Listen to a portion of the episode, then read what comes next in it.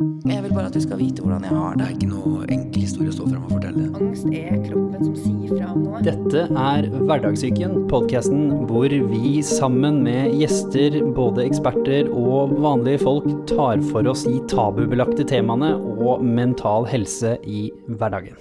Velkommen. Velkommen tilbake til Hverdagssyken, og velkommen for første gang til To på A Anders Røyneberg. Og Andrea Sveinsdatter. og vi skal rett og slett snakke om vaginisme. Det er nok mange som føler de har hørt om, men jeg tror kanskje egentlig ikke vet hva er for noe. Det var litt den tanken som slo meg når jeg hørte om det første gang. Så jeg sånn, dette vet jeg egentlig hva er. Til og med sett på en eh, serie som var ganske poppis for ikke så lenge siden. Men så måtte jeg innrømme at jeg måtte gå i meg sjøl og dobbeltsjekke med Google for å være helt sikker på at eh, jeg var inne på noe. Så da skal vi gå mer i dybden på det, men også generelt rundt eh, seksualitetsbiten knytta til det, og hvordan dette kan påvirke selvfølgelig psyken når man har utfordringer knytta til seksualitet og sex generelt.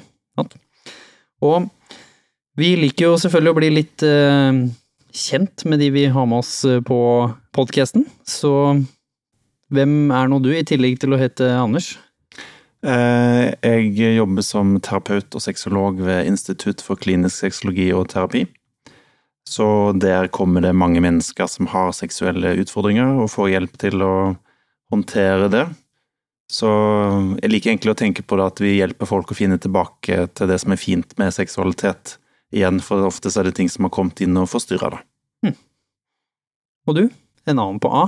Ja, jeg eh, jobber med sosiale medier. Så jeg blogger og Instagram og YouTube. Mm. Rett og slett en influenser? Rett og slett en influenser, ja. Ja. ja. Det er lov å si det nå i 2021, Ja, tror det er det. Det er litt sånn Man sier ikke det av en eller annen grunn. Jeg vet ikke hvorfor. Jo, jeg Vegrer tror seg litt for å si det. Men tror det er lov å er si det. det. Du lever av det, med andre ord. Ja. Da er det lov å si det, Ja. har jeg hørt. Mm. Det er en jobb. Men du er jo her først og fremst fordi du har engasjert deg rundt dette her og har erfaring. Så Mm. du er jo ikke her bare fordi du er en blogger, holdt jeg på å si. Så hva, hva er det som gjorde at eh, dette ble noe som, som du måtte tenke på? Eh, jeg hadde litt problemer. Jeg hadde veldig mye vondt i magen. Fikk ofte kramper sånn rundt underlivet og i åpningen, på en måte. Og kunne kjenne på svie, kløe. og hadde ikke mulighet Jeg syntes det var vondt å sette i tampong. Og samleie var veldig vanskelig. Og jeg gikk egentlig ganske lenge med litt sånn smått. Det begynte i det små, og så ble det verre og verre. Og til slutt så var jeg sånn Dette må jeg jo finne ut av hva er. Dro til fastlegen min, som eh, etter en liten undersøkelse regna med at dette var vaginisme, og begynte i behandling hos osteopat. da. Visste du hva det var, da? Når liksom fastlegen din igjen bare Det er vaginisme. Nei, jeg hadde riktignok googla litt på forhånd. Eh, googla symptomene, som alle gjør. Og tenkte, kom innom dette med vaginisme og tenkte nei, jeg håper ikke det er det. Vær snill, la det være et eller annet jeg kan få liksom en medisin for å bare liksom bli frisk. Men det var det jo ikke. Så da han sa vaginisme, så tenkte jeg nei, det orker jeg ikke deale med. Da går vi til fagpersonen, for nå sitter folk og hører på ja, men hva er det dette for noe egentlig, da? Så hva er vaginisme egentlig? Du kan si at eh, sånn overordna, så det jeg jobber med er smerteproblematikk, da. Eh, og det, du har masse ulike typer diagnoser innenfor det spekteret, men i bunn og grunn så handler det om at du får smerter som hindrer deg i å ha f.eks. samleie, da. Eh, så du kan, eh, hvis du snakker med en gynekolog som er ekspert på dette, som spesialfelt, så vil du høre om både vestibulitt og vaginisme, vulvodyni, altså det er mange begreper for å beskrive. Så det handler litt om hvor smerten sitter også. Eh, om det er ytterst på skjeden, langt inn i skjeden, utenpå. Um, så det handler egentlig om eh, smerteproblematikk, da, som begrenser seksualiteten. Og hva generelt er på en måte vaginisme? Hva er det som gjør at det Hvorfor fikk hun den diagnosen, holdt jeg på å si? Hva er liksom kriteriene som andre som kanskje kjenner seg igjen i de tingene hun beskrev i stad, kan tenke at de burde gå til fastlegen og sjekke? Det er jo hvis det er du er veldig spent da, i muskulaturen eh, rundt vulva, skjeden, bekkenbunnsmuskulaturen, hvor det er vanskelig å få ting inn, så er det ofte tegn på vaginisme. Eh, mens vestibulitt er ofte mer at det er en sånn brennende følelse, eh, ofte ytterst ved skjeden.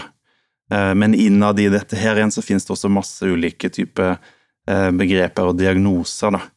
Så mm, jeg jobber jo ikke så mye med det. Jeg jobber mer eh, faktisk nå som terapeut med mer det følelsesmessige, kroppslige, med spenninger. Litt sånn helhetlig rundt det, da. Men vi liker jo å bli litt sånn ekstra godt kjent med fagfolka våre, vi. Og du fikk jo litt sånn fun fact om deg eh, før vi starta her. Fordi ja. du er ikke bare innenfor psykologi og psyken, du har også en annen eh, holdt på å si erfaringsretning slash studieretning. Du er utdanna rett og slett som Jeg er bonde, sånn eh, agronom i bånn. Så det, er liksom der jeg, det var det første jeg utdanna meg som. da. Kommer fra bondegård. Um, så jeg driver med planter i dag. Jeg er jo også en slags jeg er pl plantfluencer, da.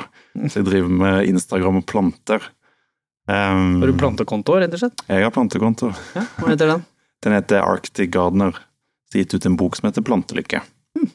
Så Og så kan man tenke sånn, handler det om um, det med psykisk helse og seksualitet? Så tenker jeg det med planter handler jo om å få ting til å spire og gro og bli sunt og sterkt. og Eh, enten det gjelder planter eller mennesker, da. Så jeg liker å tenke at det er en slags sammenheng der. Ja, for Det neste spørsmålet er hvordan i verden fikk du engasjement rundt psykisk helse, når du i utgangspunktet kommer fra bondegård og virka som du var på vei inn i å holdt på å si fortsette familieyrket her? Ja, eh, far er jo bonde, så da ble jeg det. Og så er min mor hjelpepleier, så da ble jeg eh, sykepleier. Tok videreutdanning i psykisk helse, altså psykiatrisk sykepleier, da. Og så har jeg fortsatt eh, innenfor ulike typer terapiretninger, da. Så det siste jeg holder på med nå, er uh, traumeterapispesialisering. Mm. Hvor, som også kan linkes opp til dagens tema smerteproblematikk. Ja, for hva, hva, som, hva ligger i feltet med psykisk helse rundt dette? For nå kan det jo være lett å tenke at jo, men er ikke dette noe som legene skal drive med? Hvorfor trenger vi psykolog når vi går gjennom det som er en fysisk diagnose, da, i utgangspunktet, som for mhm. eksempel vaginisme. Så hva er det du jobber med rundt det? Hva slags type mennesker er det du tar imot? Det en har funnet ut da, i forhold til uh, smerteproblematikk, det er at det er uhyre komplekst. Uh, men dessverre ganske smalt uh, fagfelt. Så jeg, jeg leste en undersøkelse at opp mot 18% av kvinner vil oppleve smerter ved samleie i løpet av livet. Um, og så er det kanskje 40% av de igjen som det vil forsvinne helt av seg selv på.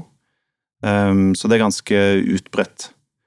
Um, Pluss-minus 10% som ja. det ikke forsvinner, da. Og jeg liker ofte å sammenligne det med ereksjonsproblemer hos menn, bare for å sette det i en sånn sammenheng. At det er en del av det som opplever problemer med det. Og så er det jo eh, veldig skambelagt å snakke om. Så det er veldig fint med Andrea og, og de som setter fokus på det. Fordi noen tenker jo at Um, eller jeg tenker, da, dette har jeg ikke helt data for å si, men jeg tenker at det har vært mye av dette før også. Men at det i dag eh, endelig har blitt fokus på det, det har kommet fram i lyset, og folk tør å snakke mer om det, da. Det var jo der jeg hadde erfaring med dette fra, fra denne serien, som var ganske populær. Som handlet jo om hun ortodokse eh, jøden. Denne serien som var veldig populær, tror jeg, på Netflix. Som kom ut og var topp i Norge og tjohei en stund her. Hvor det viste seg at hun blir på en måte lært opp da, til å skulle ha samleie før hun skulle da få lov til å, å, gifte seg. Og så slet jo hun voldsomt med dette her, med mannen sin, og så viste det seg at hun hadde vaginisme, da. Så det var derfor det ordet måte hadde satt seg litt uh, hos meg. Men du sitter hos fastlegen, du får beskjed om at det er det, og det var jo det du håpa det ikke skulle være. Mm. Så Hvorfor hadde du håpa at det ikke skulle være det? Hva er det liksom rundt dette her som du følte skulle være problematisk? Det var jo det jeg hadde googla, da. Du finner jo mye rart på Google. Men jeg hadde jo googla og kommet inn i diverse forum og lest at det var veldig mange som sleit med å bli friske. Og som eh, sleit med å finne behandling. Og som sleit med å finne årsak, og hadde prøvd masse forskjellig, og ingenting hjalp. Så det var jo litt det jeg var redd for, da, at jeg kom bare til å gå inn i et system som ikke hadde egentlig peiling på hva, hvordan de kunne hjelpe meg. Men heldigvis så skjedde jo ikke det med meg. Da. Det gikk jo egentlig veldig bra i forhold til behandling. Men hva tenker vi om skam fra din side, hvis du skal mm. liksom dele historien rundt dette her? Det å ha problemer i det hele tatt, og noen av de tingene du beskrev i stad, og som også for så vidt uh, du beskrev her på fagsiden, det er jo visse ting som også kunne vært da forbundet med andre ting, som eksempel kunne vært en kjønnssykdom, eller andre ting som i hvert fall er skambelangt i tillegg, så jeg kan jo forstå hvorfor folk sitter litt sånn ikke har lyst til å gå til legen. da. Du vegrer deg til å sjekke det, og egentlig går og håper at det skal gå over av seg selv, antagelig. Mm, det var det jeg gjorde lenge. Jeg håper bare at nei, dette går over. Det er ikke noe farlig. Men så har jeg en venninne som er sykepleier, som jeg snakka med deg om. da. Jeg hadde egentlig ikke sagt det til så mange, for det er ikke noe jeg egentlig var komfortabel med å snakke om. Eh, men sa at du, for det begynte å bli såpass ille, så jeg ble litt sånn Hva skal jeg gjøre? Eh, og hun sa du må jo dra og sjekke det. Det kan jo være mye forskjellig på en måte. Det kan jo være noe farlig, du vet jo ikke, så det må du bare gå og få sjekka. Hva var det som gjorde at du ikke hadde lyst til å si dette til noen, hvis du skal sette ord på det? Jeg har aldri egentlig vært en person som er veldig komfortabel med å snakke om sexlivet mitt og sånne ting. Eh, og så tenkte jeg ikke egentlig nødvendigvis at alt det jeg kjente på, av og til hadde en sammenheng heller, da. Jeg tenkte ikke på at å, jeg har vondt i magen, det har noe med underlivet mitt å gjøre, på en måte, da. Og så fikk du sjekka, og så etter det, men du har jo engasjert deg i dette, så det regner med det er en grunn til som kommer fra din egen erfaring. Så Ja. hva var det som skjer etter at du har vært og sjekka, du ble henvist? Hva skjer da? Ja, jeg begynte jo som veldig veldig flink osteopat, som òg lærte meg veldig mye om sykdommen. For jeg kunne jo ikke så mye om det i utgangspunktet. Og som også snakka veldig mye med meg, sånn at vi på en måte fikk kommet fram til en teori om hvorfor jeg har fått dette. Da. Og som hun sa til meg, så er det jo sånn Hun har fått veldig veldig mange som har gått med dette i mange mange år og ikke turt å si det til noen og blitt feilbehandla, feilbehandla, feilbehandla. Og jeg fikk eh, også veldig mange For jeg valgte jo å skrive om det på bloggen. At dette har skjedd. Og egentlig, jeg tror jeg nesten jeg var i sjokk da jeg skrev det, for jeg skrev et veldig rotete innlegg. og bare sånn, jeg har fått denne beskjeden, jeg vet ikke hva det er.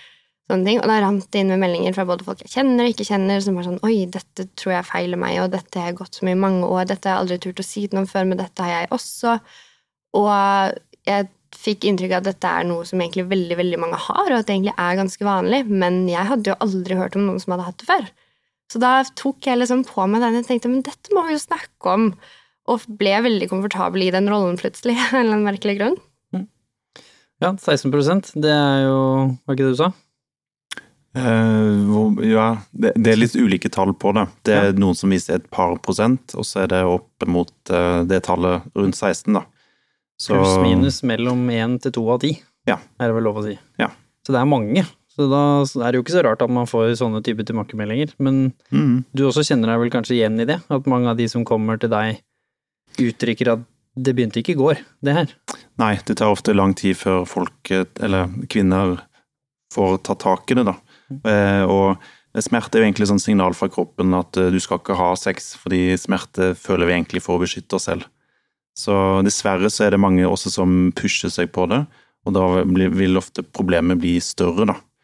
Um, så er det jo eh, fristende for oss å tenke at det er én grunn. Vi leter ofte etter én grunn som kan forklare hvorfor vi har det vanskelig eller vondt, eller um, Men jeg tror når vi skal jobbe med smerteproblematikk, så er det viktig å tenke helhetlig, da. Sånn som du nevnte med osteopaten din som lærte deg mye forskjellige ting.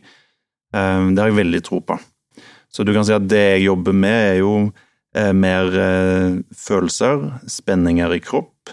Eh, for mange kan komme inn og er egentlig ikke helt i kontakt med kroppen. Ehm, og når vi jobber med tema, så lærer de seg etter hvert å kjenne etter at jo, jeg spenner meg faktisk mye i bekkenområdet, eller eller øverste del av lår, eller nederste del av magen.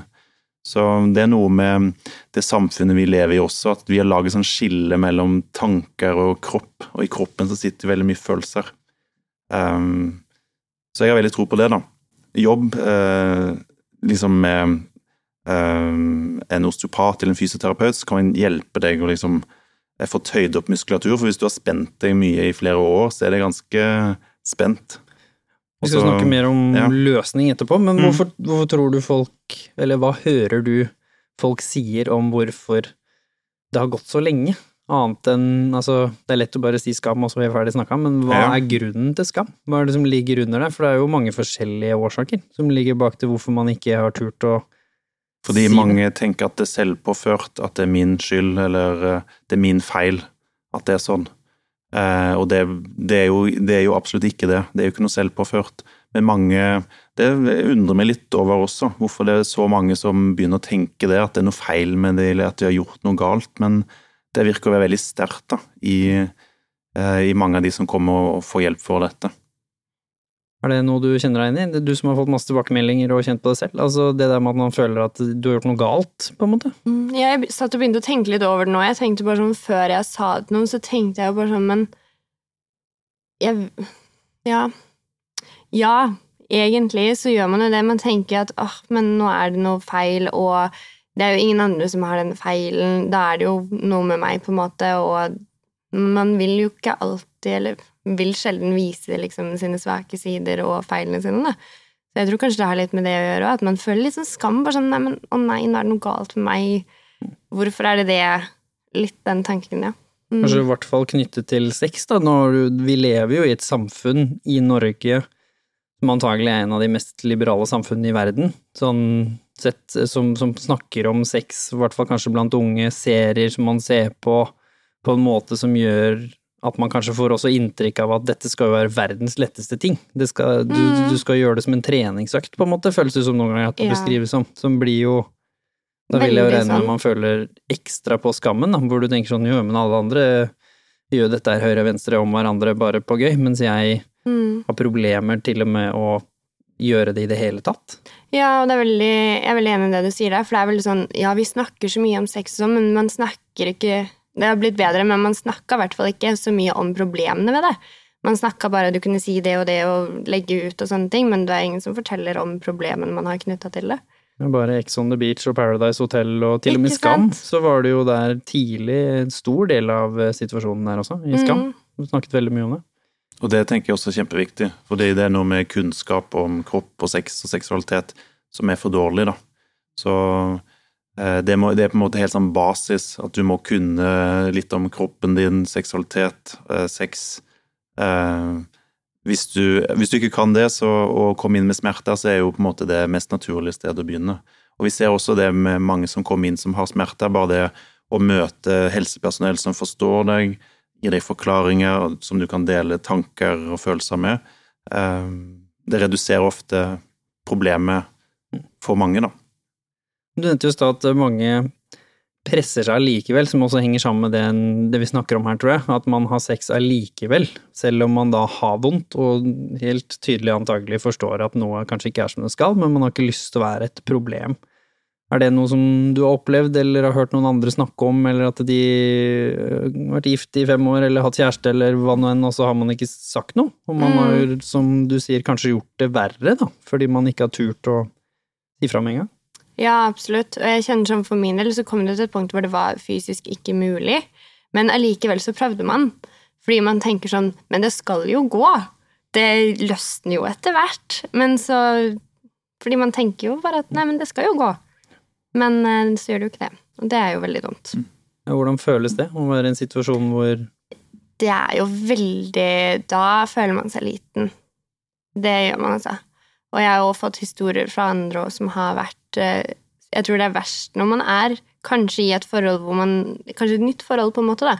eh, Har jeg fått en del historier fra, i hvert fall. eh, Hvor man ikke har lyst til å skuffe, og man er redd for at eh, partneren kanskje skal tenke nei, men det her går ikke, så nå drar jeg, på en måte. da.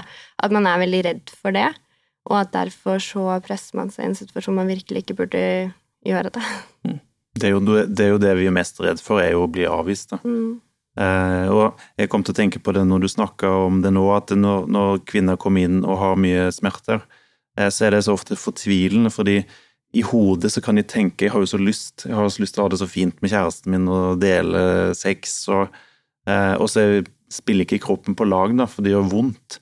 Så den der konflikten der med at du egentlig, en del av deg har så lyst, men så bare er kroppen ikke med, da, som er veldig frustrerende for mange.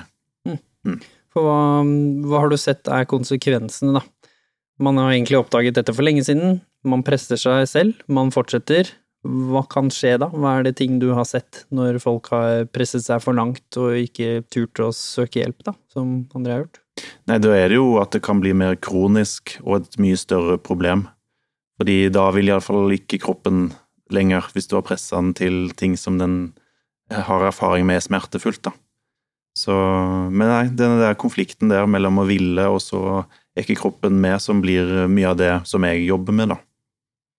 Og så har vi jo selvfølgelig forskjellige miljøer i Norge. Vi snakker om eh, konservative kristne miljøer, vi snakker om andre religiøse miljøer, eh, familiesettinger bare, hvor det å snakke om sex ikke er så vanlig. Du nevnte jo også selv at du kanskje ikke egentlig likte å snakke om det, og måten du presenterte det på, så virket det som du også presenterte kanskje at vennene dine og de rundt deg kanskje har hatt et mer liberalt eh, forhold til å snakke mm. om sex. Hvordan, hvordan kan det på en måte være ekstra belastende? Hva slags historier og erfaringer har dere hørt der? At man Altså hvis du i utgangspunktet ikke snakker med noen rundt deg om sex uansett, om det er A, B eller C, på en måte, og dette kommer på toppen, så er det jo i hvert fall uaktuelt. Og da øker jo antagelig problematikken. Det var jo det denne serien tok opp, da, med at det var jo helt uaktuelt for henne som var ortodoks jøde, å begynne å snakke med noen om det som til slutt viste seg å være vaginisme, da.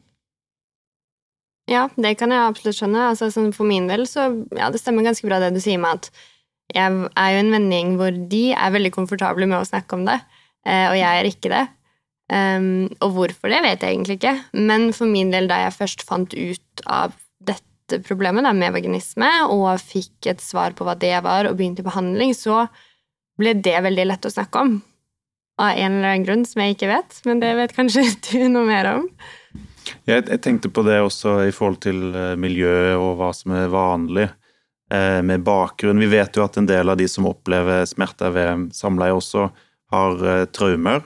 På langt nær alle. Mange tenker jo at alle må ha vært utsatt for seksuelle overgrep, og sånne ting, men det stemmer ikke. Men vi vet også at noen har vært det. Um, og det trenger ikke være at du har vært utsatt for seksuelle overgrep, men du kan ha hatt erfaring med at uh, kanskje menn har pressa deg, Kanskje du har hatt en dominerende far, kanskje du har hatt uh, en kjæreste som har pressa deg til å ha sex.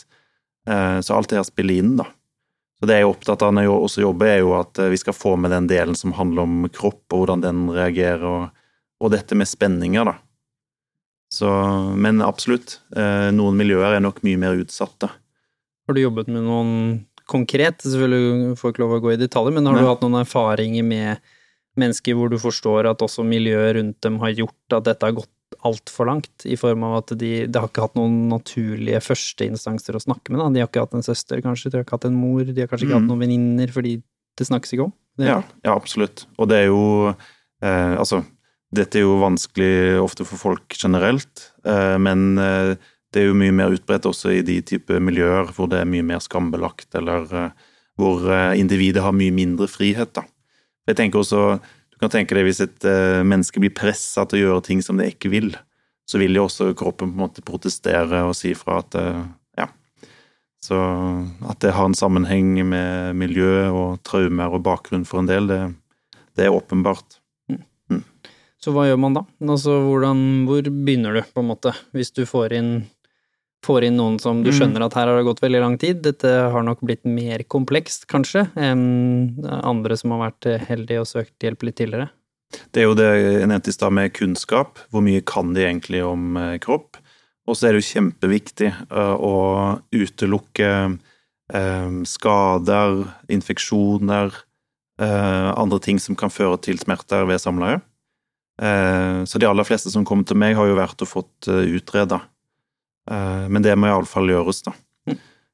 Og så er det å begynne å jobbe med hva kjenner du i kroppen, hvor sitter spenningene, eh, og se egentlig mer jeg kan jo sitte med en, en, kvinne som egentlig aldri har vært i kontakt med kroppen før, og så jobber vi, og så, og så prøver vi å koble på kropp, og så kjenner hun jo plutselig at hun er kjempespent i bekkenet.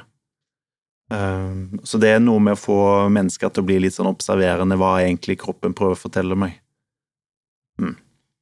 Ja, fordi du gikk jo litt den mer tradisjonelle veien, holdt jeg på å si. Du går til fastlegen, du får eh, svar på at det er det her, og så blir du henvist. Og så sa du jo i stad at det kanskje virker som det handlet like mye om å få kunnskap og snakke med denne personen som nødvendigvis en fysisk behandling. Kan ikke du mm. fortelle om denne kombinasjonen, da, og hvorfor de forskjellige tingene var viktige for deg, og hva det løsnet, på en måte, da, i mm. både den fysiske situasjonen, men også selvfølgelig da den psykiske belastningen som kommer på toppen. Mm, der kjenner jeg meg veldig igjen i det du sier, med at jeg ble litt satt i kontakt med min egen kropp, eh, og plutselig så kjente jeg at oi, jeg går jo hele tiden og spenner magen. Noe jeg aldri hadde tenkt over at jeg har gjort Mm. i hele mitt liv. Men det har jeg sikkert gjort siden jeg var liten. Og hun sa jo det veldig fint sånn Det er så typisk oss damer at vi går liksom og holder inn magen hele tiden. Og da blir det spent. Og sånn fortsatte vi å jobbe gjennom hele kroppen, egentlig, og kjente at her går jeg og spenner meg, og øvde på det å bare slippe taket og løsne. Noe som var ganske vanskelig fordi jeg alltid har gått og spent meg, på en måte. da, Eller i hvert fall så lenge jeg kan huske. Jeg kan ikke huske å ikke ha gjort det. Så det starta jo både med det og ja, med liksom samtale. Vi snakka bare å bli kjent. Eh, kom liksom litt inn på temaet tema rundt dette, og hun forklarte hele tiden hva hun gjorde, og hvordan jeg reagerte. og ja, For meg så var det veldig fint å få litt sånn svar på kanskje hvorfor jeg tror at jeg har havnet i denne situasjonen, på en måte. da. Um, og lære veldig mye om at det er veldig mange grunner som kan ligge bak. For da jeg googla, så sto det mye sånn at ja, du må være utsatt for ja, seksuelt overgrep og sånne ting. Og for, jeg kjente meg jo ikke igjen i det. Så jeg var liksom Men hvordan har jeg fått dette? Uh, men for min del så handler det jo veldig mye om det at jeg har gått og spent meg, og stress og sånn Hun sa det veldig fint, at for noen så setter stresset seg i skuldrene. Eh, Du har fått satt stresset på en måte i bekkenbunnen, blant annet. Det er mye mer enn det, men at det er en stor grunn for min del, i hvert fall. da.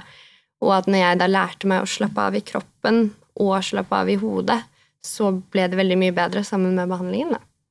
Og det er jo det vi trenger når vi skal ha sex, er faktisk at vi slapper av, vi slipper kontroll eh, og kan være mer fri, da. Men jeg likte godt det du sa med at eh, måte stress kan sette seg ulike steder. Jeg, kan, jeg får stressmage, og så tenker jeg også at noen får kanskje nakkesmerter. Eh, Noen kan få migrene, andre kan få vondt i, i skjeden. Altså eh, Det tenker jeg også kan fjerne litt av skammen rundt det, da. At det er faktisk bare en eh, naturlig Mm. respons i kroppen, men det setter seg på ulike steder på, på mennesker. Da. Mm, der kjente jeg litt sånn lettelse. Da du sa det. Jeg var sånn, Ja. Å ja, så det er kanskje ikke så rart, på en måte. At det er sånn, å ja, noen får det her, og jeg får det her, og det er, trenger ikke være så mye verre enn det, på en måte. Hva er de forskjellige tingene du ser der ute, da, som kanskje ligger bak, som du ikke har snakket om? Og så som du sier, det er mer liksom den stereotype, kanskje litt skambelagte seksuelle overgrep, og derav naturlig nok knyter deg når du da skal inn i en seksuell situasjon igjen, som du forbinder med et traume eller noe vondt. Det, Mhm. det er jo naturlig, men fortsatt et problem for mange når de da knyter seg. Men, men hva er da andre typer vanlige ting, da, i Mhm. tillegg til den mer generelle at du stresset setter seg der? Er det andre ting du ser som kan ligge bak? Um, jeg tenker også at det handler litt om tiden vi lever i. Altså, vi lever i en tid hvor det er mye prestasjonspress, da. Igjen det med press og stress. Eh, at vi skal prestere, eh, vi skal se bra ut. Eh, for ma mange sier jo at det å ha sex nå er litt sånn, litt sånn pornoinspirert, da. Det blir veldig mye fokus på prestasjon, og mindre fokus på å liksom være til stede, slappe av, ha det fint med sex. Eh, og da tror jeg vi blir mer stressa og spenner oss. Så det tenker jeg er en av de grunnene, og som kanskje er litt symptom med tiden vi lever i, da. Um, Det kan rett og slett komme av ikke en generelt press i samfunnet, men press rundt på soverommet, hvis vi skal Mm. kalle det stereotype, men også sexen generelt. At uh, da kvinnen, eller mannen for en saks skyld, men Mm. kvinnen i dette tilfellet med vaginisme da føler på et press rundt en eller annen konkret prestasjon som hun eller han kanskje forbinder da med, som du sier, porno. At man Ja. skal gjøre på Ja. et visst nivå, holde ut et visst antall nivå, komme et antall ganger, eller et eller annet som, som gjerne er sånn kriterier som vi sammenligner Mm. oss med, og så kan dette da føre til en situasjon hvor det begynner å bli vondt etter hvert, altså Ja. fordi du spenner deg svært. og noen, jeg tenker også mer litt sånn i forhold til det med skam, da. At vi nesten, noen kan beskrive at de nesten er liksom på utsiden av seg selv, og blir stående og observere seg selv når de har sex. Nettopp fordi eh, sånn, det prestasjons... Ser jeg bra nok ut? Gjør jeg det rett? Uh, og klart, det er ikke noe, det er ikke noe bra for, uh, for seksualiteten vår.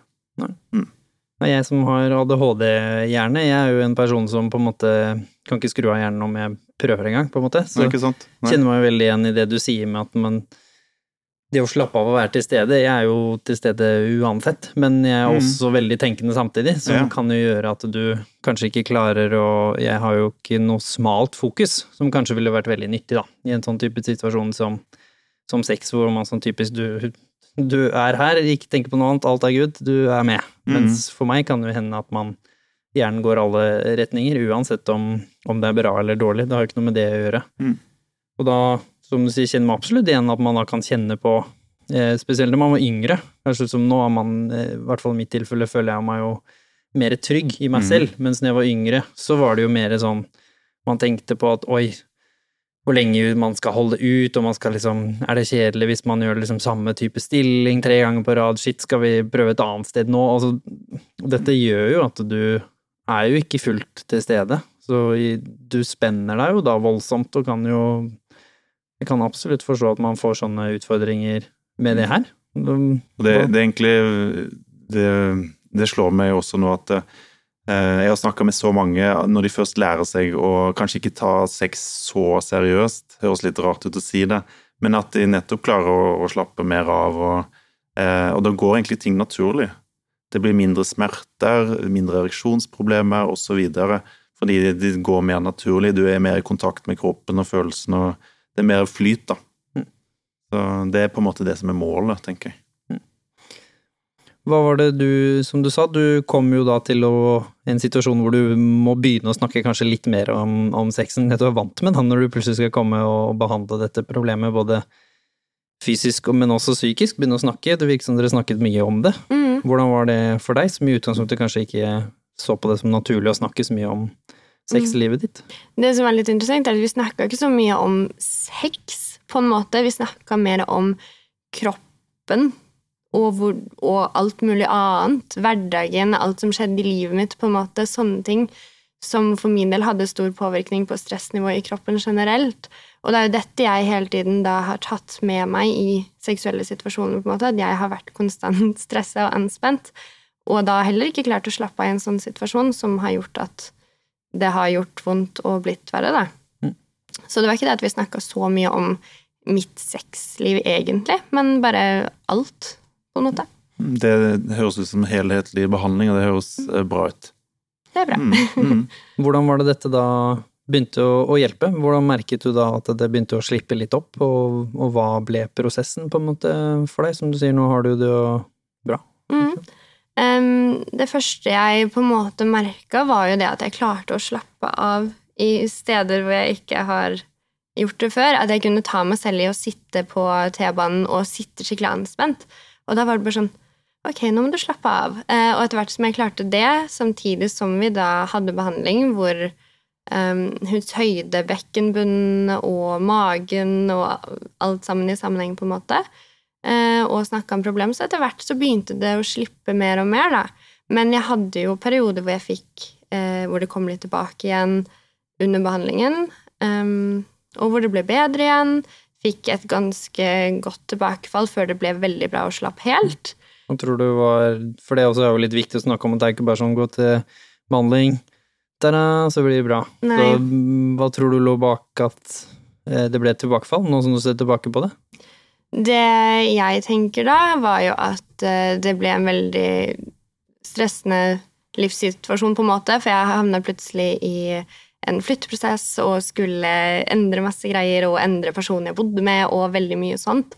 Eh, I tillegg til at det var stress på jobben, og jeg stressa men liksom Det var en veldig stressende periode, da. eh, Som satt over lengre tid. Og jeg er også veldig veldig god til å stresse meg selv opp og bli veldig anspent. Så det hadde nok mye med det å gjøre. Og i hvert fall jeg fikk beskjed om av min osteopat, var at det var ganske vanlig at man fikk litt sånn tilbakefall også under behandling. at man ble, Det er ikke en quick fix, på en måte. Um, så det var veldig vanlig, og det beroliga meg, og da fortsatte vi bare, og så slapp det ganske godt til slutt. Mm. Hvordan jobber du med det? Som hun sier, det er jo ikke naturlig at man bare kommer inn og så tjopp, tjopp, og så er vi klart. På en måte. Nei, Det det er jo det samfunnet vi lever i også. Vi vil jo ha quick fix. Dere menn er verre, er min erfaring. Alt skal ordnes og sånne ytre ting, da. At eh, det skal gå kjapt, da. Eh, Men jeg tenker også det med å gi seg tid til å jobbe med seg selv og behandling. Eh, Ofte så er det to steg fram, og så er det ett tilbake. Det er liksom en del av prosessen, tenker jeg. Mm. Eh, Prøve og feile litt. Um, ja. Så dessverre så er det jo sånn at det er jo dyrt å ha smerteproblematikk. Jeg skulle ønske at det var mer dekka, og at det var mer programmer som tilbød eh, helhetlig behandling, da. Hvor en fokuserer både på å jobbe med kropp og følelser og så videre. Men hva er fordelen med det? Fordi man, altså, det finnes jo ting der ute som ikke nødvendigvis koster masse penger, men som du sier, da tar du kanskje bare bitte litt av problemet. Da. Kanskje du behandler litt de fysiske smertene, eller du kanskje Mm. snakker litt om disse tingene, men så endrer du ikke ting i livet ditt, og så kommer stresset bare tilbake. Og så. Mm. Det er jo ikke noe tvil om at det å ta tak i en sånn problematikk som det her, som er såpass kompleks samspill mellom kropp, livet og eh, hodet, Mm. at den kan kanskje være ekstra viktig å ta tak i helhetlig, eller så vil den bare komme tilbake igjen. Og så er det jo viktig å si også at eh, for noen så handler smerteproblematikk om eh, mer fysiske ting. Det er derfor det er viktig at du går og undersøker det også. Fordi eh, mens for mange så er det mye mer komplekst, da.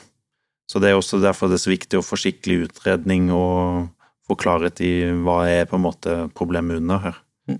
Så jeg er alltid nøye når jeg snakker om det, sånn at det, For det er mange som vil kanskje høre på som har smerteproblematikk selv, eh, som ikke vil kjenne seg igjen i det jeg snakker om. For jeg jobber mye mer med følelser og kropp og det her med spenthet som vi har snakka mye om, da. For det kan være fysiske elementer her også, som også ble trukket frem, så vidt jeg husker, i denne serien, om at rett og slett i hennes tilfelle så var det rett og slett litt mindre åpning, som gjorde Mm. at hun da fysisk sett fikk problemer med dette, og hun var ganske liten av vekst også, og var da med en, en større mann, da, som på en Mm. måte proporsjonene kanskje ikke passet eh, så godt, hvis man på en måte skal Ja. gjøre den logiske konklusjonen.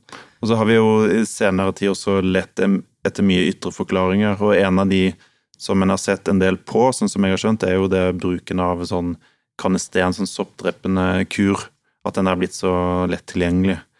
Um, så jeg er åpen for at alt sånn kan spille inn, jeg. Og for noen så treffer det, for andre så er det ikke det det handler om. Mm. Um, så Først og fremst må man gå til legen her, Ja. hvis man kjenner seg igjen i noen av disse tingene, og hvis man kommer seg forbi den, det er først da det virkelig blir viktig å ta tak i på en måte og se på det helhetlige her, da, mm, egentlig. Absolutt. Undersøkelse skikkelig først, og så, så kan du begynne å se hva du kan gjøre med det. Mm. Hvordan jobber du med de som da har traumer, da? Som, som står i den situasjonen? For jeg regner med altså du fikk jo sikkert noen som tok kontakt med deg også, som, som hadde det som en forklaringsbakgrunn. Det er jo en relativt eh, vanlig grunn, det òg, så vidt jeg har forstått. Hvordan, Mm. hvordan jobber du da, hvis det genuint er for eksempel et seksuelt overgrep, som Mm. dessverre altfor mange har opplevd? Ja, altså egentlig så er kroppen litt smart, fordi den husker ting, og den eh, vil beskytte seg. Så hvis du har opplevd f.eks. seksuelle overgrep, så vil jo egentlig kroppen være litt sånn klar til å beskytte seg. Så den vil eh, eh, Du kan si at den vil på en måte f.eks. lukke seg. Eh, med vaginisme så er det jo mye av det som skjer, da. Eh, Sånn at den, kroppen husker ofte veldig mye ting. Det er ikke alltid vi husker det selv, sånn bevisst oppi hodene våre. Så den gjør egentlig sånn som den skal, og den beskytter seg. Eh, Så er det jo egentlig å lære kroppen nå at eh, det som før var farlig, faktisk ikke er farlig lenger. Så mye av min jobb er jo å lære kroppen. Jeg jobber bare terapeutisk samtale og gjør folk bevisst på hva som skjer i kroppen. Men så er det jo egentlig å lære kroppen at dette her er faktisk ikke farlig lenger. Du trenger ikke være spent, du trenger ikke flykte. Du, uh, ja, at du får gode, trygge uh, erfaringer med det. Mm. Så kroppen klarer å slappe av. Har du noen eksempler på sånne øvelser? Får man liksom, er det litt sånn hjemmelekser her? For um, hvis man kommer og snakker om ting, og det å endre en vane er jo vanskelig, og det Ja. da å endre en underbevisste vane, som stress Mm. ofte er, Mm. er jo kanskje enda vanskeligere igjen. Så er det noen øvelser som, som dere pleier å bruke som ofte er litt viktige? Eh, først er jo å bli selvobserverende. I hvilke situasjoner kjenner du igjen at du driver og spenner deg, sånn som du nevnte, Andrea. At du la merke til at dette her var faktisk noe som var i kroppen hele tiden. Eh, men akkurat sånn konkrete øvelser vil sikkert Andrea, som har vært gjennom dette her, kunne mer om. Eh, men eh, for meg så handler det mer om at jeg skal være selvobserverende. Så jobber jeg også med par iblant. Og det blir ofte en veldig konflikt i paret, da. Mm. Hvis det er problemer, tenker du på? Ja. ja. Hvordan jobber du med par, og hvorfor kan det være nyttig? Fordi det vil jo sikkert være mange som opplever dette, som er i langvarige forhold, gift, vært sammen Ja. lenge. Det, da er det jo viktig å jobbe med Hvis det er en eh, mann og en kvinne, da, som det ofte er, eh, så er det jo å også jobbe med det som skjer i relasjonen. Er det mye press på sex der? Eh, hva er det på en måte som skjer som gjør at det blir mer smerter, da? Så det kan jeg også si, da, at eh, Jeg snakker jo mye om kvinner og smerter. Men det er også veldig vanskelig å være i relasjon hvor du ikke kan ha og dele det fine seksuelle. Eh, Og for mange menn så opplever de faktisk at på et visst punkt så klarer de ikke lenger å ikke ta det personlig. Eh, Og så er det jo nå også med å finne ut av at eh, samleie er vondt for kjæresten min. Det vil for de fleste være ganske fælt. Um, Det er sånn det første som slo meg når Ja. du nevnte at du snakket om par, Ja. er at det kanskje hjelper bare at du forteller at det er en genuin situasjon. Litt den samme sånn gode opplevelsen som, som du fikk når du forsto at det var noe. At Mm. det ikke bare Det er ikke min skyld, på en det er ikke noe jeg finner opp, det er ikke noe jeg lager, det er ikke fordi jeg faktisk ikke liker deg, på en måte. Altså mm. oppdager du også at det hjelper litt bare at en fagperson bekrefter at ja, det er faktisk tilfellet her, at dette er en reell situasjon som henger sammen med XYZ, og, og det er noe som faktisk må jobbes med, men som da du kan også sikkert berolige med kan, kan bli bedre, men det krever da også innsats fra den andre parten, da. Jeg vil jo Mhm. tro at det er lettere å komme seg gjennom det her Mm. med støtte fra partneren sin. Absolutt. Jeg tenker det er regel nummer én. At uh, mange går jo veldig lang tid uten å fortelle også, og da blir det egentlig et større eh, problem, da. Eh, men det er noe med å begynne å prate med partner om det, ellers så tenker jeg du har ikke noen sjanse til å nesten å klare å, å jobbe deg gjennom det, da. Så, men mange menn kan jo også oppleve at de får ereksjonsproblemer eller lystproblematikk, fordi det er jo, hvis du vet at den andre får vondt, så vil du jo egentlig ikke du vil ikke påføre partneren din vonde ting, da. De fleste vil heldigvis ikke det. Så det er jo så naturlig å forklare det også, sånn at det blir um, Begge føler seg ivaretatt, da. Mm. Ja, og så gikk det jo veldig bra etter tilbakefallet her. Så mm, hvordan var det du da følte at du til slutt klarte å slippe litt opp? Mm, nei, altså det begynte bare å kjennes veldig bra. Det, jeg hadde Det gikk veldig lang tid uten å ha verken brennende følelse i magen eller kramper eller noe som helst. Eh, Men jeg kan fortsatt kjenne sånn at hvis jeg er i en veldig stressende situasjon over en lengre periode, så kan jeg kjenne på noen av de tingene igjen. Men nå vet jeg så godt uh, hva det er og hva jeg skal gjøre, sånn at jeg klarer på en måte å behandle det selv, eller ja, roe kroppen, sånn at det går over igjen, da. Hva er det du kjenner igjen nå, og hva er det du gjør? Hva er det som er sånne klassiske ting som, som fortsatt kan skje, da? Det er mest nå Jeg har jo da vaginisme og vestibulitt, eh, og det er mest eh, den vestibulitten jeg kjenner på, det er at det kan svi. Um, og det er særlig sånn, ja, hvis jeg da har vært i en stressende periode over lengre tid og begynner å kjenne på det, så kommer den brennende følelsen nederst i magen og svier rundt åpningen, da. Og det er særlig sånn jeg merker eh, hvis jeg går i jeans, sitter med beina i kryss over lengre tid, sånne ting. Da kan jeg kjenne at oi, der var det tilbake. Og før hadde jeg da fått helt panikk. Og er sånn å nei, nå er det tilbake igjen, jeg orker ikke å rett til osteopaten min og få behandling. Men eh, nå har jeg lært så mange teknikker gjennom behandlingen at jeg klarer liksom å komme ut av det selv og tar det med ro og vet at dette går over hvis du bare slapper av og gjør det du skal, på en måte, da. Har du vært i noen forhold rundt dette her, hvor det har vært, eh, du har hatt positive eller negative opplevelser med det å faktisk snakke om det også i, med en, en kjæreste eller en partner? Mm, jeg har jo kjæresten, og vi har vært sammen i to og et halvt år. Um, og det har gått veldig fint. Da er det sånn at hvis jeg får vondt igjen, så sier jeg 'nå har jeg vondt'. Og da han er veldig forståelsesfull, og um, da vi ble sammen, så var han veldig nysgjerrig. Ja, hva er dette egentlig? Så da fortalte jeg det og sa at hvis du vil, så kan du være med på behandling til osteopaten min og sånne ting. Han ville ikke det, da, men um, det har gått veldig bra. Heldigvis. Hvor viktig tror du det var å si fra til han tidlig? For det vi snakket jo litt om her i stad, i starten av et forhold, så er det kanskje Mm. der hvor dette er mest skummelt, da. Hvor Mm. man er jo redd for at partneren kanskje ikke vil fortsette inn i relasjonen, hvis den får høre at eh, det kan være problematikk rundt eh, sex, da. Mm. Heldigvis for min del så var jeg frisk da jeg møtte han. Jeg hadde, var ferdig med liksom det verste og hadde det veldig fint da. Eh, men jeg sa det jo at jeg har dette, så dette kan skje innimellom. Eh, Men det tok han veldig bra. Han er jo veldig grei, heldigvis. Stressa du litt med å si det første gang, eller hvordan var den første gangen? da? Ja, det var litt, jeg var litt nervøs. Jeg var litt sånn, Hvordan skal man si dette? Og man lurer litt på hvordan han kommer til å reagere og sånne ting. Så jeg ble selvfølgelig veldig letta når han tok det som han gjorde, og har vist nå i to og et halvt år at dette går veldig bra. Mm. Det tenker jeg er kjempeviktig, å kunne si fra oss om, eh, om behovene sine da, i forhold til sex. Og, og det kan være vanskelig for en del, kanskje spesielt i den gruppa her som har eh, smerter ved samleie. Eh, Min opplevelse, da, jeg, ikke, jeg har ikke noe forskning eller sånn på det, at veldig mange er også opptatt av at eh, mer at partner skal ha, ha det godt seksuelt, eh, og ikke så mye fokus på de selv. Så det er også noe vi jobber med å få til det, da. At eh, liksom, du skal ha sex fordi det skal være noe fint for deg. Du skal ikke ha sex fordi det liksom bare bra for partner. Ja, For det kan gjøre at du da blir enda mer distansert og kanskje mer anspent? Ja, hvis du bare tenker på den andre? Absolutt. Det er mye av det som skjer. Og så har jeg også hatt eh, kvinner i behandling som, eh, når de har et mål for å ha sex, hvis de skal lage barn, så har de ikke noe smerter.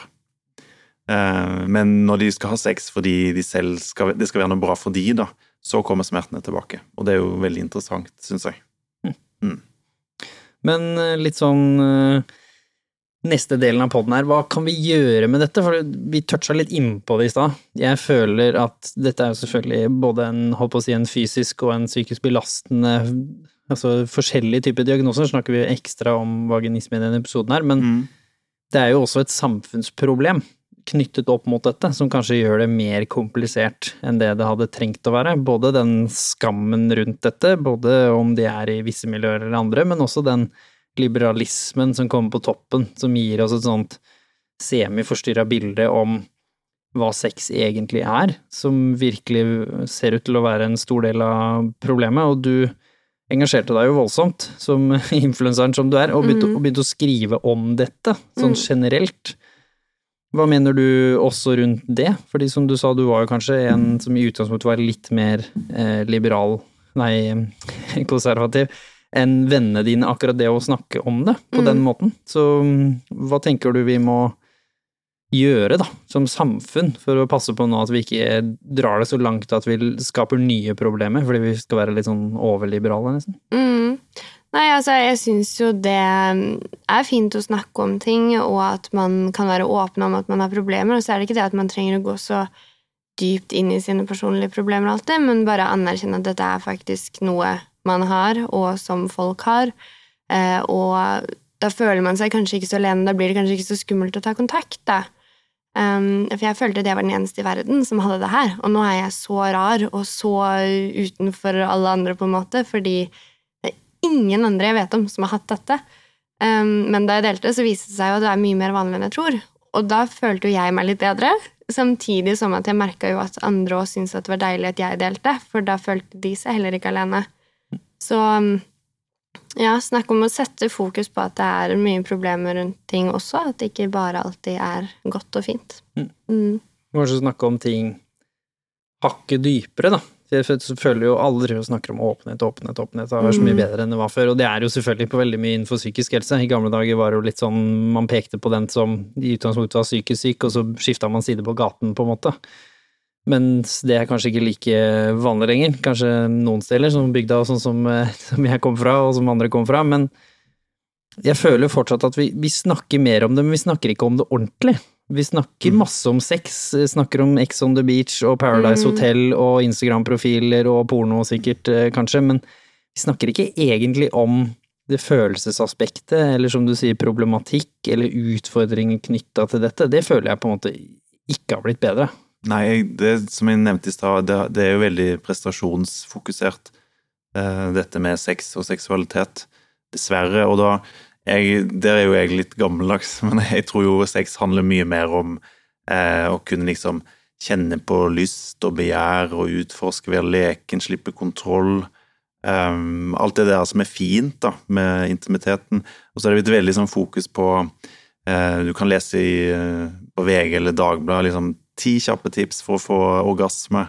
eh, beste sexleketøy. Altså, jeg er ikke noen motstander av sexleketøy, men, men eh, det er noe med det at vi blir så teknisk og prestasjonsorientert at vi mister det der som egentlig sex handler mye om, tenker jeg, da. Mm. Og så tenker jeg også, Dere snakka om det i stad, vi er jo egentlig flokkdyr. Vi er egentlig ment for å dele ting. Eh, og når vi tenker om at vi er alene om ting, så blir det også fryktelig vanskelig. Så jeg tenker det er viktig å være, ha åpenhet rundt det.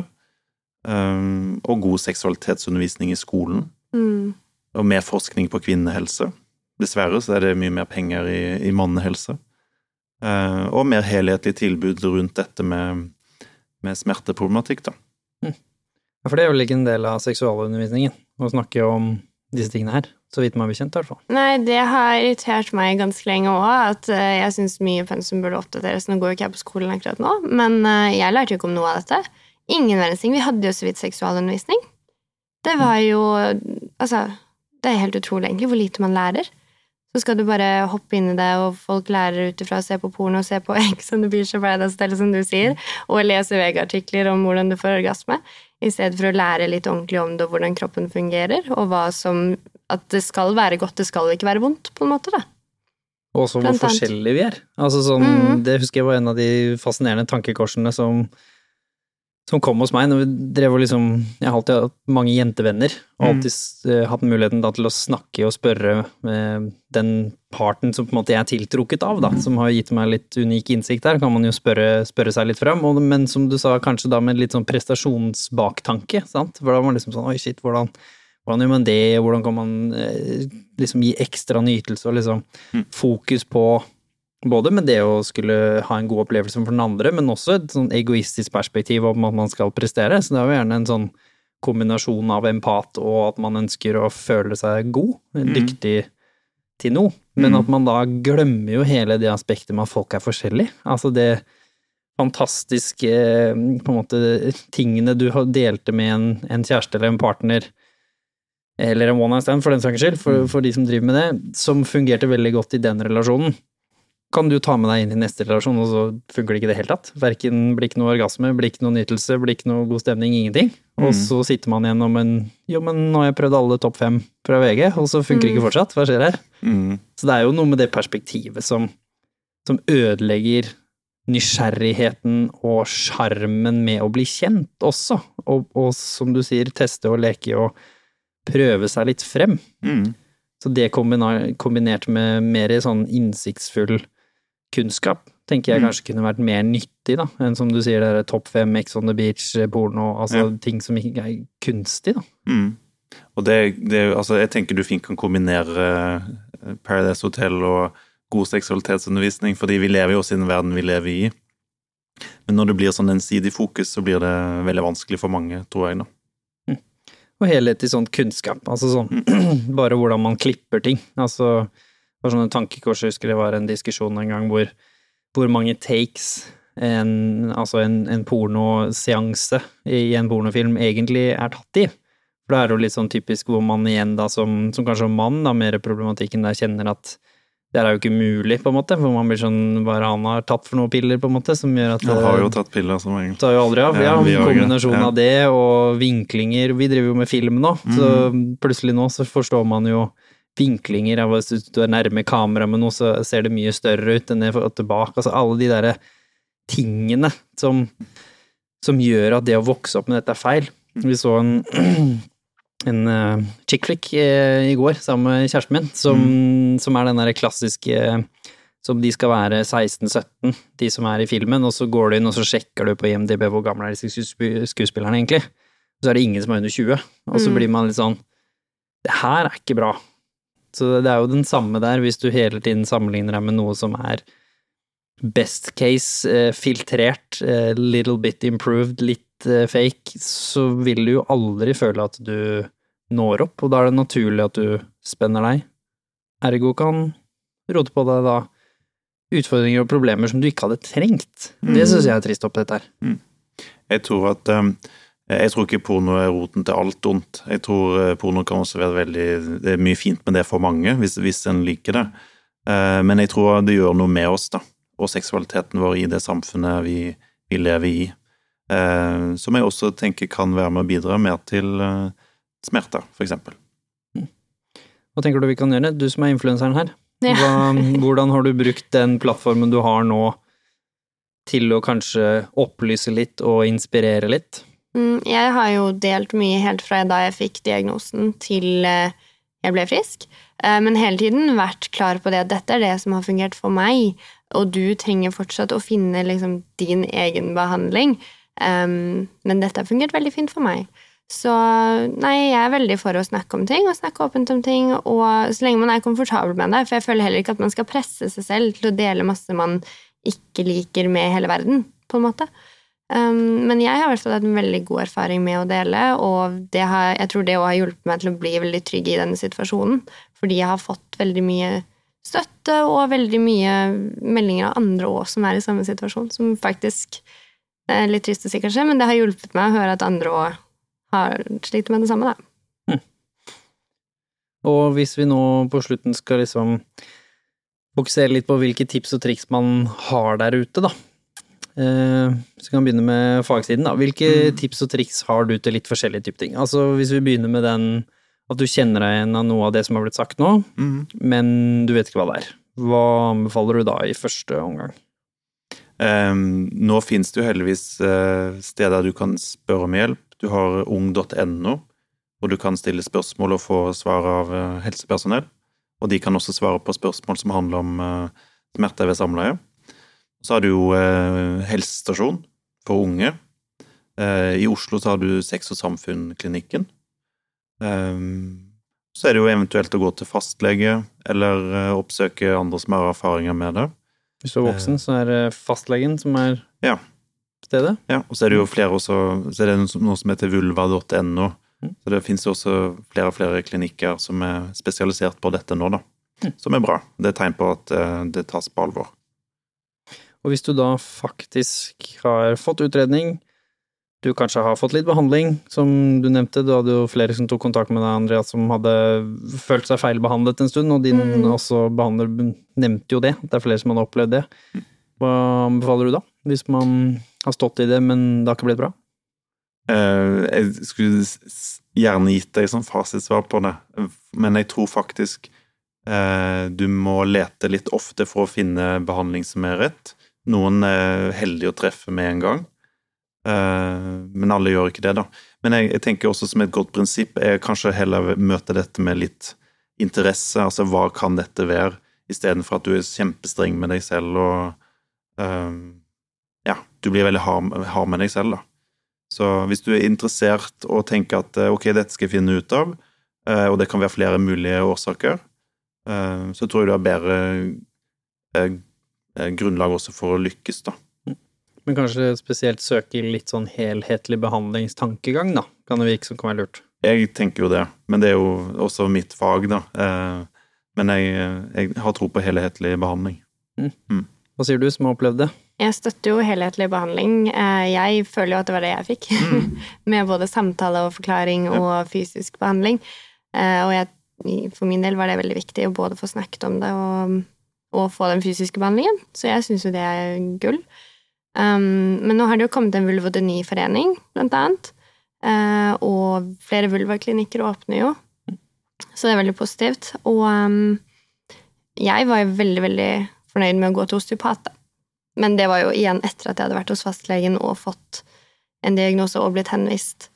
Um, men uh, det går jo an å gjøre litt research selv på hvor man skal starte. For eksempel så kan man jo ofte google en fysioterapeut, en osteopat, og se om de har kunnskap eller spesialisering innenfor kvinnehelse og sånne ting. Uh, det hadde jo min, så det, det føltes jo veldig trygt sånn sett. Mm. Skammen, hvordan overkommer man det hvis man sitter der hjemme nå og kjenner at dette lugger, enten fordi eh, kulturen eller samfunnet rundt deg, eller bare familiesituasjonen? Eller vennesituasjonen gjør at du føler ikke du har noen naturlige du har snakket med, og du kjenner at dette er ordentlig klump i magen å snakke om. Hvordan skal man klare å overkomme den skammen? jeg tenker sånn, I skammens natur så ligger det at vi skjuler det vi skammer oss for. da. Så vi vil helst unngå det, ikke snakke om det. Men hvis du ikke snakker med det om noen, så kommer du heller ikke noe på vei. Så, så prøv liksom, tross den der skamgreia, å hoppe litt uti, da. Eh, selv om det er vanskelig. Ja, finn én eh, person du tør å si det til, på en måte, kanskje. Eh, jeg tenkte for min del at fastlegen min er en person jeg stoler på, og han har kunnskap om ting, eh, og han hører veldig mye rart. Det var liksom min lille trøst til meg selv. Så han tåler å høre dette, og han trenger jeg ikke å skamme meg for.